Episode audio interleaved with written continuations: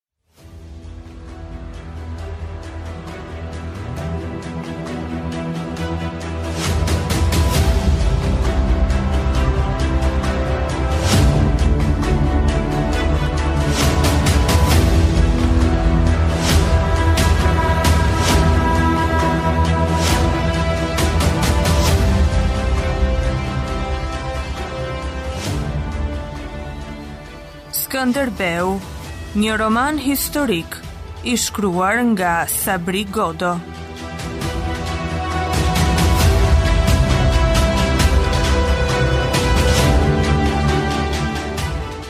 Kapitulli 15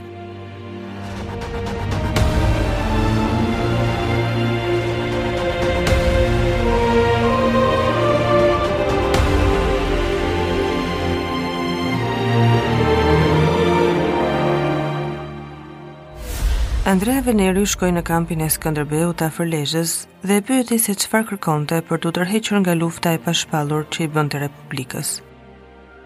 Danjën, tha Skënderbeu, dhe Drishtin, shtoi pastaj. Ai rrinte si shkëmb dhe fliste si ushtar, e dinte se shanset ishin me të. Në mbrëmje proveditori tha, Ati juaj ka qenë qytetar dhe miku ynë i nderuar, ashtu si edhe madhëria juaj.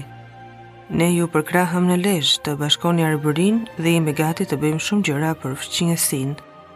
Ne nuk e kemi merituar këtë armiqësi. Skënderbeu rrinte prapë i ngurtësuar e i errët dhe tha: Në vitin 1392 ju keni marrë Durrësin, pas një viti Lezhën dhe katër vjet më vonë Shkodrën. Proveditori e pa këtë hapje të largët të Skënderbeut. Pazarlëku do ishte i vështirë. Rrethimi i qytetit po bëhej i paduruar. Durrësi dhe Lezha kërkonin ndihma të ngutshme. Skënderbeu kishte pranuar këtë takim të dytë, por nuk tha asgjë tjetër gjatë bisedës. Dukej sikur mendja e tij ishte mbyllur brenda historisë, mbase kishte nuhatur diçka nga lëvizjet rrethuese që po i bënte Republika, ndryshe nuk mund të shpjegohej kryeneçësia e tij e thellë e mbuluar me sjelljen e mirë e të qetë. Në takimin e mbrëmjes, as që i përmendi më Danjën dhe Drishtin, mbase do të kërkonte edhe më tepër, të nesërmen iku nga Lezha për të shkuar në Balzë. Balza qëndron sipër Danjës dhe Drishtit, prej andej ishte nisur Gjergj Balsha, 100 vjet më parë për të bashkuar Arbërinë. Skënderbeu filloi të ngrinte mbi themelet e saj të vjetra një fortesë. Venediku duhej të bindej se ai kishte ardhur aty si zot i përhershëm e jo si kalimtar. Kapiteni i vjetër, Marin Spani, do të kujdesej për ndërtimin e saj të shpejt. Si mbaroi këtë punë, ai tha se do të shkonte prapë në Lezhë dhe në Durrës. Proveditori kërkoi leje ta shoqëronte, e Skënderbeu pranoi. Në Arbëri, personi është e vetmja pikë veneciane e parrethuar, tha me të qeshur proveditori. Zotëria juaj gjendet i rrethuar nga zakoni i lashtë i besës dhe i mikpritjes, iu përgjigj Skënderbeu. Hamza Kastrioti ishte komandant i ushtrisë së Danjës së bashku me Marin Spanin, që duhej të kujdesej edhe për ndërtimin e shpejtë të kalasë së Balzës. Hamzai duhet të mbante Danjën të rrethuar të mos lëviste, e të mos bënte asgjë veç të zbrapste ndonjë sulm të mundshëm nga Shkodra. Para Hamzait shtrihej fusha e begatë e paprekur. Në të djathtë në grykën e lumit Kir, ngrihej mbi një kodër qyteti i lulëzuar i Drishtit, me kalanë e fortë, me tri shkolla e me dyqane.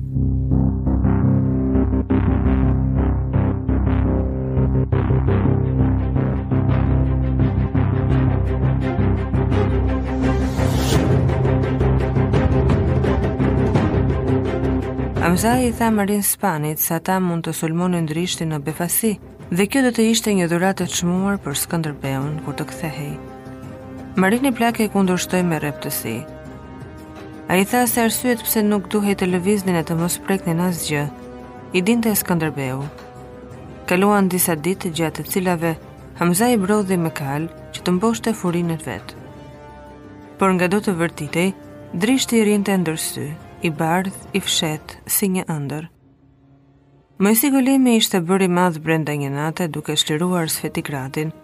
Hamza Kastrioti ende nuk ishte shquar për ndonjë vepër, por nëse merrte Drishtin, ai do të kishte të drejtë të rrinte pranë ungjit të vet, po aq sa Moisiu. Një mëngjes, Hamzai i hipi kalit, zhveshi shpatën dhe tha se nuk do ta fuste në mill, veç sipër në Drisht, ndaj le ta ndiqte kush të donte. E gjithë ushtria u vu pas tij. Aty të shumtit ishin të rinj si ai, që kishte kaluar përmes tri fitoreve, ndërsa rrinin në kamp si rrogëtarë pa shpresë plaçke dhe lavdie. Me lutjet e me kërcënimet, kapiteni i vjetër, Marin Spani, mundi të mbante gjysmën e ushtrisë.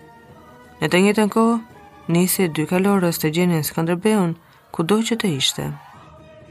Hamzai iu turr Drishtit dhe aty pikërisht në grykën e Kirit, u gjend përpara një kodre shkëmbore 300 metra të lartë, Dhe sipër në majë ishte qyteti i rrethuar me mure e me kulla e me topa të gatshëm. Hamzai zbriti në shtratin e thatë të Kirit dhe mbi kokë pa atë vend të fortë që nga mali i Sheldisë ishte dukur se mund ta arrinte me një kërcim të kalit. Hamzai i ra poshtë e lart zallit të lumit dhe u thirri mbrojtësve të dorëzoheshin. Ata u tallën. Ata mund ta pështynin Hamzanë drejt në fytyrë dhe ai s'kishte ç'të bënte veç të kafshonte shkëmbinjtë. Ai u tërhoq të shifte e të mendohej siç bënte ungji, kur u hapën portat mbrapa dhe komandanti venecian zbriti nga kodrat e serës dhe e sulmoi befasisht Hamzanë. Ushtria e Hamzait filloi të sillej rreth vetes në shtratin e lumit, u vu në ikje dhe do të ishte kthyer keqes, por Hamzai e përmbajti me trimërinë e vet. Kapiteni venecian u tërhoq duke marrë si trofe kokat e disa të vrarëve dhe fitorja u festua sipër në mure me shkrehjen e topave me daule e me fyej. Pas kësaj disfate, Hamzai u lëshua në luginën e pambrojtur të Kirit, deri afër Shkodrës, Nuk la kasolle pa djegur, rrëzë liqenit në fushë, vrau e mori robër, duke tërhequr me litarë qindra njerëz dhe plaçkiti gjënë e gjallë, që arriti të kapte në dy ditë e sipër. Skënderbeu udhëtoi një natë e një ditë dhe arriti në Danjë, në të njëjtën kohë me Hamzanë.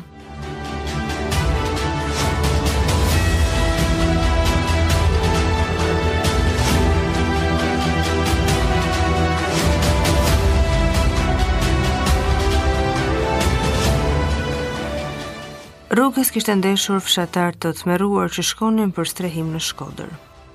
Pasdite daullet thirrën në mbledhje ushtrinë e Danjës prej 4.000 vetash te ranzat e Laçit. Në radhën e parë rrinin kapitenët e çetave, prapa rrinte ulur në gjunjë dhe më këmbë ushtria, e hapur gjer në mesin e kodrës, që të shihte e të dëgjonte gjyqin e Kastriotëve, më i madhi gjyq që ishte mbajtur ndonjëherë në Malësi. Skënderbeu kishte thënë se nuk donte të ishte vetë kryegjyqtar, meqë gjykohej nipi, le të bëhej gjyqi sipas kanunit, I pari doli nga çadra Marin Spani, kryetari i ndjekur nga 11 pleq të përzgjedhur nga një për çetë. Prapa vinte Hamzai që do të flijohej dhe në fund paditësi, Skënderbeu. Marini i vuri përpara tre gurët e pengut dhe pleqtë u ulën në formë gjysmëharku. Marini vuri dorën mbi gurët dhe tha se do të gjykonte me drejtësi dhe fjalën e kishte paditësi. Skënderbeu ngriti kokën dhe ndjeu largësinë që e ndante nga ushtria. Ushtria nuk kuptonte. Lëvizi dhe mërmëriti. Faji nuk ngjit te ata që nuk e njohin fajin. Hamzai u kishte dhënë diçka dhe tani i ungji i tij e nxirrte në gjyq si një vjedhës fshati. Ushtria ishte me Hamzanë. Skënderbeu ngriti krahun që të mbrohej nga rrezatimi i mijëra shikimeve dhe nuk u ndje asgjë. veç ushëtimës së largët të Drinit. Ai nisi të fliste me një zë që donte të anonte nga arsyeja, por që lajmëronte stuhinë. Dy orë më parë ai kishte thënë Marinit, a, vetëm kujtimi i vëllait më mban të mos e var, t'ia pres kokën me dorën time si të turkut. Pastaj kishte urdhëruar të lidhej Hamzai, po Marini plaku ishte lutur të mos e bënte këtë. Armiku dhe ushtria nuk duhej të shihnin përçarjen e Kastriotëve. Marini u përul me lutjet e tij. Le të kujtonte Skënderbeu fatin e Spanëve. Marini gjendej aty, por i vëllai u shërbente venecianëve. Skënderbeu sillej në çadër dhe rënkonte si i plagosur. Hamzai, djali i tij i përkëdhelur, kishte prishur pa mëshirë atë që kishte ngritur ai me aq mundim. Ai kishte hyrë në veri me mendje të ngritur që ushtria të mos prekte asgjë dhe të pritej si çlirimtare. Veriu ishte i përçarë, Dukagjinët ishin shpallur asnjanës, por me një armiqësi të fshehtë për Skënderbeun, sidomos Dukagjinët e Lekës. Gjysmët e Spanëve që zotëronin malësinë e Shkodrës dhe Dushmanët e Shalës e të Shoshit kishin kaluar me Venedikun. Nga zhvillimi i ngjarjeve që priteshin, Varrej bashkimi i Arbërisë, e kërcënuar nga dy fuqitë më të mëdha, ose lufta vëllavrasëse, që do të ecte me zakon gjak pas gjaku. Para se të shkelte ushtria në Danjë, fshatarët kishin filluar të vritnin e të dëbonin magjistratët, nëpunësit e huaj dhe të bashkoheshin me Skënderbeun. Shkodra, Lezha, Durrësi u shkëputën nga toka dhe mbetën si ishuj në breg të detit. Kjo trazirë po përhapej lart nga Ulqini e Tivari, ndërsa Hamzai u ra vëllezërve, u kapin ata në befasi, i preu në besë e i tmerroi. Sulmoi Drishtin që kishte bërë kryengritjen e madhe kundër Venedikut më 1399-ën, dhe dy kryengritje të tjera të shtypura nga ushtritë veneciane me ndihmën e fisnikëve vendës.